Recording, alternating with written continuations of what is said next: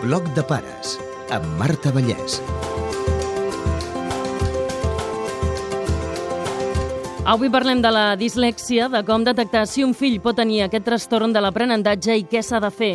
Ens acompanyen la Teresa Cruz, professora i logopeda, i la Maria Pau Ferrer, psicòloga, membres de la delegació Maresme de l'Associació Catalana de Dislèxia. Vaig a l'escola cada matí i això és una cosa que em fa patir. Què és la dislèxia? És un trastorn de l'aprenentatge que afecta sobretot el desenvolupament de la comprensió, de la lectura i de l'escriptura, sense haver-hi d'haver cap alteració neurològica i o sensorial. I havent tingut el nen o la nena, doncs les oportunitats escolars que ha de tenir qualsevol infant. Quins signes d'alerta podem detectar a casa des de petits? Deixa de, a vegades d'agradar-li anar a l'escola, diu que té mals de panxa, que no es troba bé. A part de tot això, observem que són nens que davant de la lectura doncs, no els hi agrada, els hi compres contes o els hi ofereixes d'anar a compartir una lectura i doncs no en tenen ganes, sempre busquen alguna excusa per no fer-ho. Solen ser nens que es descuiden cosetes a l'escola, a la jaqueta, una mica desorganitzats, una mica despenjats. I a l'escola? Amb retard de parla, dificultats d'adquisició del llenguatge, nanos que tenen una expressió i un vocabulari doncs, molt pobre, nanos que per l'edat que tenen no tenen gaire recursos de vocabulari, dificultats de traç, que són nanos que els costa doncs, la direccionalitat de les lletres, seguir unes pauta o seguir doncs, unes sanefes. Són nanos que oralment expliquen més bé les coses que a la han d'escriure. De, no sempre el diagnòstic serà una dislèxia, però cal preocupar-se'n per descartar-ho així que es tingui una primera sospita. El teu fill gran o el teu fill mitjà va llegir, vol dir que quan li tocava, no? i aquest fill o aquest alumne li està costant una mica més de, de lo normal. Cada persona té el seu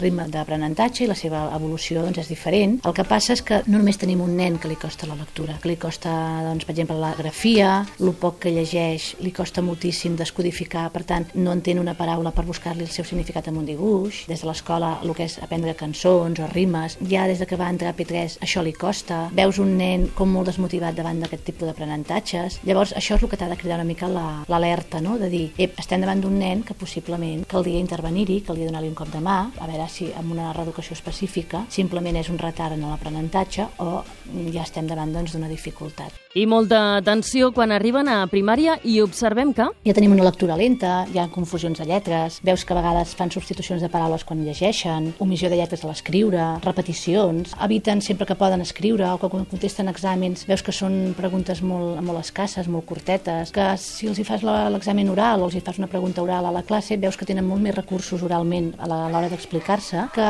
si ho fan per la via escrita. Llegir i escriure és, per tant, el principal senyal que hi ha un problema, però no l'únic. Els hi costen de vegades d'aprendre seqüències automàtiques, que són dies de la setmana, mesos de l'any, les taules de multiplicar. I la lectura, doncs, diferent a les altres companys, els hi costa més, no els hi agrada. I des de casa ja estem veient un nano que et diu no m'agrada anar al col·le, no vull escriure, no vull llegir. Eviten tot el que és la lectoescriptura i, en canvi, doncs, passen moltes vegades hores i hores davant de l'ordenador, amb un altre tipus de tasques. Són nanos que a vegades tenen dificultats d'atenció perquè desconnecten facilitat. I què passa quan comencen ja a llegir? És una lectura molt lenta, poc fluida, no té prosòdia, hi ha errors de puntuació, de substitució de paraules, fan moltes rectificacions. Què passa amb aquesta lectura tan lenta i tan feixuga? Que moltes vegades la seva comprensió lectora fluixeja. You can tell the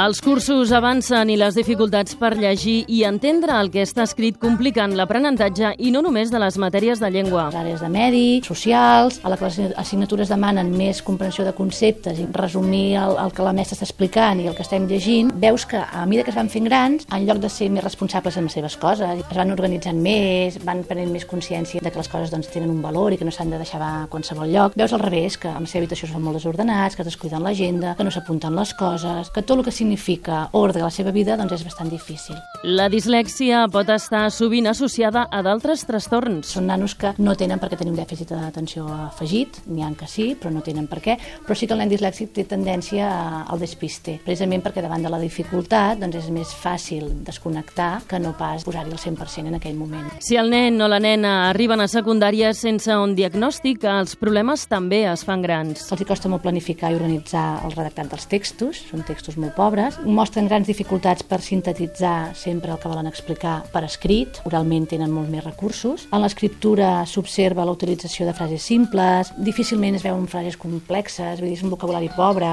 A secundària i batxillerat tot es complica i sense ajuda ho poden passar força malament.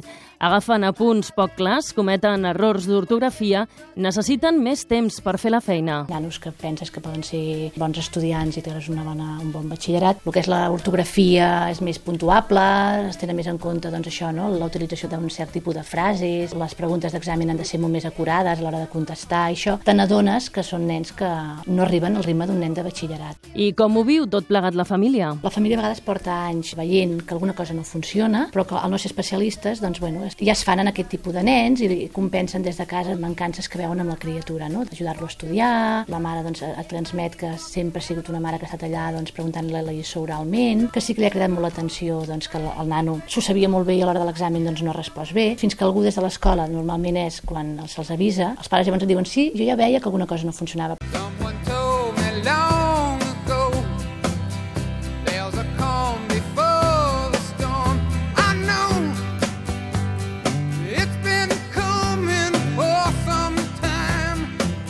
Des del mes d'octubre de 2011, el Departament d'Ensenyament va difondre el Prodiscat. És un protocol de detecció i actuació en la dislèxia específic per cadascuna de les etapes educatives. La detecció precoç és fonamental i és important no perdre temps. A vegades hi ha l'error que el nen ja aprendrà, donem-li més temps, repeteixi curs perquè a veure si així d'aquesta manera madura més. No té res a veure amb la maduració, el problema de la dislèxia. Simplement és un problema, un trastorn que té el nen a l'hora de llegir i escriure. I fins ara hi ha hagut molt aquest error, no? Ja parlarà bé, total té 4 anys, estem acabant P5 i no reconeix del tot les lletres. Hi ha un estiu pel mig, en sapegues que és el mateix alumne, doncs que li costa explicar-se, o que té un vocabulari realment molt pobre per un nen de la seva edat. Aquest és el nen el que s'hauria de derivar. Demanem l'opinió d'un especialista i contra abans es posi solució al problema, l'evolució del nano serà molt més positiva. No és el mateix agafar un nen dislèxic a batxillerat, que realment com a professional et sents molt impotent, perquè dius, bueno, quines eines has d'utilitzar tu ara per reeducar aquest nano, quan ja és un nano que té el camí d'aprenentatge fet, ha sobreviscut com ha pogut, ja té uns hàbits, i per tant, reeducar això és dificilíssim. No és el mateix, lògicament, que agafar un nen amb 6 o 7 o 8 o 10 anyets. El pronòstic d'aquest nano serà molt diferent de cara doncs, a aquesta habilitat lectora i escriptora. A partir del moment que hi ha el dubte i centra la consulta d'un psicòleg o neuropsicòleg, què passa? En la família se l'orienta a fer un estudi neuropsicològic. A part de les proves de llenguatge, necessitem doncs, tot un estudi de nivell cognitiu del nen, tota la part atencional, que realment no estiguem davant d'un nen amb un possible dèficit d'atenció o TDAH, i a més a més també necessitem tota la part de memòria, dir, el que en diem nosaltres a vegades fer una bona radiografia del nen. A partir d'aquí, un cop es tanca aquest diagnòstic, és quan el neuropsicòleg orienta la família doncs, quin seria el tipus de tractament a, a seguir. Si en aquest cas fos un nen amb TDAH, se'ls orienta una, una farmacologia, i si és un nen doncs, només amb una dislèxia, s'orienta la família a un treball específic de llenguatge. Es deriva un o una logopeda, que són els especialistes en llenguatge. Logopèdia, atenció psicològica i molt important també el suport de la família. No només anant un dia a la setmana a la logopeda solventarem el problema. Els pares ens poden donar molt de cop de mà. Doncs potser amb el nano de pactar, doncs mira, jo llegeixo una, una pàgina, tu llegeixes una altra. No només llegir per llegir, sinó sempre es recomana, la mare llegeix, però ves-li preguntant si t'està escoltant, si t'està entenent el que li estàs llegint, i fins i tot al revés, quan llegeix el nen, doncs tenir la paciència de dir, bueno, què has entès? Everywhere I turn, I hurt someone. But there's nothing I can say to change the things I've done.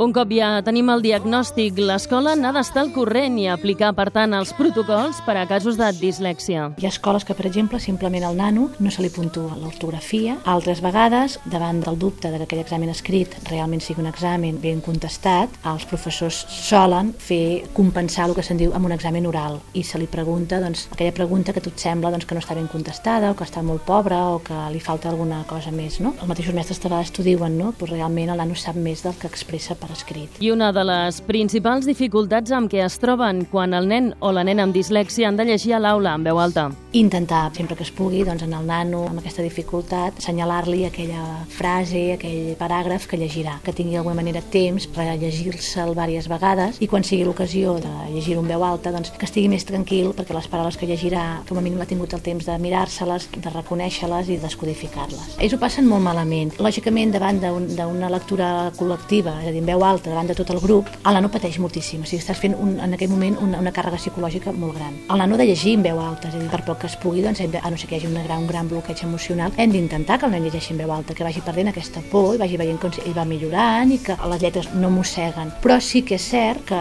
no costa res en el nano avisar-lo del trosset que llegirà, perquè això li dona molta tranquil·litat. I ha de quedar sempre molt clar que la dislèxia no té res a veure amb la intel·ligència. Estem davant d'un nen intel·ligent. L'únic que les eines a utilitzar perquè aquest potencial funcioni han de ser unes altres. Un nen ben treballat, amb una bona autoestima, amb interessos, un nen amb projectes, un nen on se senti ell valorat. El seu camí d'aprenentatge és il·limitat. El nen arribarà on el nen pugui arribar, on ell vulgui arribar, amb unes bones eines, una bona reeducació, amb un bon acompanyament de la família, amb un entorn escolar correcte. Lògicament, el nen dislèxic sol eh, optar més per estudis més creatius. Ells coneixen les seves mancances, ells saben el que han, arribat a, patir per treure's de sobre una filosofia, o l'anglès, o el català, i per tant saben perfectament doncs, que funcionen, per exemple, molt bé en matemàtiques. Hi ha casos de nanos que se'n van a fer enginyeries. Els dediquen molt a la part creativa de dissenyador gràfic, publicista, tot aquest món més creatiu, més d'imaginació. Amb els anys s'han anat adoptant, tot i que lentament, algunes mesures que faciliten el treball dels estudiants amb dislèxia. Un dels esculls, però, en què es trobaven fins ara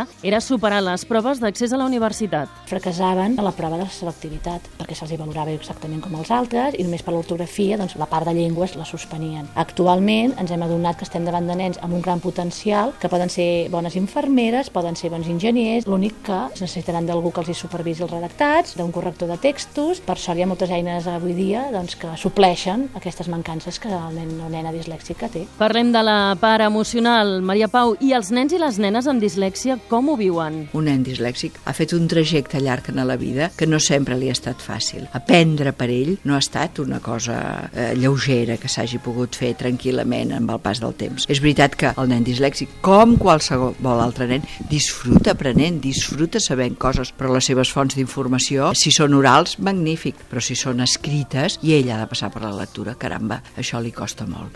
I tantes vegades ell ha pensat, què em passa? Soc lent, soc vago, sóc tonto... No, no és cap cosa d'aquestes, simplement és dislèxic. Per tant, els professionals, les famílies, els mestres que estem a la vora d'un nen dislèxic, sempre hem de tenir en compte que és un nen adolorit i hem de treballar per millorar aquest estat tant com puguem, ajudant-lo a veure d'ell mateix els seus aspectes positius, que per descomptat que té. Com, per tant, els podem ajudar? Què hem de fer? Mirar-lo amb bons ulls, mirar-lo amb els ulls que possibiliten, amb els ulls de l'èxit, confiar en ell i ajudar ajudar-lo i estar sempre al seu costat i dir-li una i una altra vegada que la seva vida és un immens esforç, una immensa lluita, un immens treball per anar endavant, però que això val la pena. Has d'aprendre a conviure amb la teva realitat, amb la teva manera de fer i de ser, i d'aprendre, i treure'n el màxim profit per obtenir l'èxit a la vida. Perquè ja ho sabem que té unes pegues, ah, i un altre en tindrà unes altres, segur, segur, segur. I treballant poden arribar fins on desitgin. No perdre mai de vista les característiques del seu fill. Les bones i les dolentes, està clar que sí. Eh? Entenent per dolentes les seves dificultats, per poder-lo ajudar sempre, perquè ell sàpiga sempre que estem al seu costat. Hi haurà problemes atencionals, hi haurà problemes de conducta, hi haurà desafiaments, hi haurà situacions de més negativitat, efectivament. Passarem una mica per tot, com passaríem amb qualsevol altre fill. Els hem de poder ensenyar que la lluita, l'esforç, la tenacitat donen resultats pot arribar allà on vulgui, és clar que sí. De cap de les maneres la seva característica està renyida amb la intel·ligència. I d'això hem de fer sabedor aquest nen o aquesta nena, és clar que sí. When you love someone, you'll do anything. Si vols saber més coses, Podeu consultar a internet la pàgina de l'Associació del Maresme dislexiamaresme.wordpress.com o bé la de l'Associació Catalana de Dislèxia, les 3 Bs acd.cat. Llibres que us poden ser útils. El niño incomprendido de Mata Editorial, on diferents experts parlen dels problemes d'aprenentatge.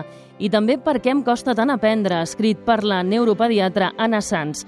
També hi ha pel·lícules que en parlen, com ara Malo, on un nen comença a fallar a l'escola, el mestre li diu que és gandul i és humiliat per alguns companys. Viu un malson fins que la mare l'entén i l'ajuda a superar els problemes que li causa la dislèxia. I també la cinta índia Cada nen és especial, una pel·lícula immensa, preciosa, sobre els sentiments, frustracions i problemes d'un nen de 8 anys que té dislèxia. Els pares el deixen en un internat i se'n surt amb el suport d'un professor. En trobareu referències a internet, a l'adreça que trobareu també al web del blog de pares. La Maria Teresa i la Maria Pau volen que tingueu molt present que... No ens ha de fer por tenir un fill dislèxic. Al contrari, és un repte que jo penso que el que hem de fer és agafar-lo amb il·lusió, arremangar-nos, posar-nos a treballar al seu costat, acceptar que tenim un nen diferent dels altres, però precisament pel fet de ser diferent ens enriquirà amb moltes coses que potser un altre fill, sense aquest trastorn, no ens donarà. Has d'invertir més temps, has d'invertir més esforç, et cansaràs més que un altre, sí, sí, sí. Has de treballar més que un altre, sí, sí, sí, sí, sí. Segur, però val la pena. Val la pena fer-ho perquè obtindràs bons resultats de tu mateix. Mm -hmm.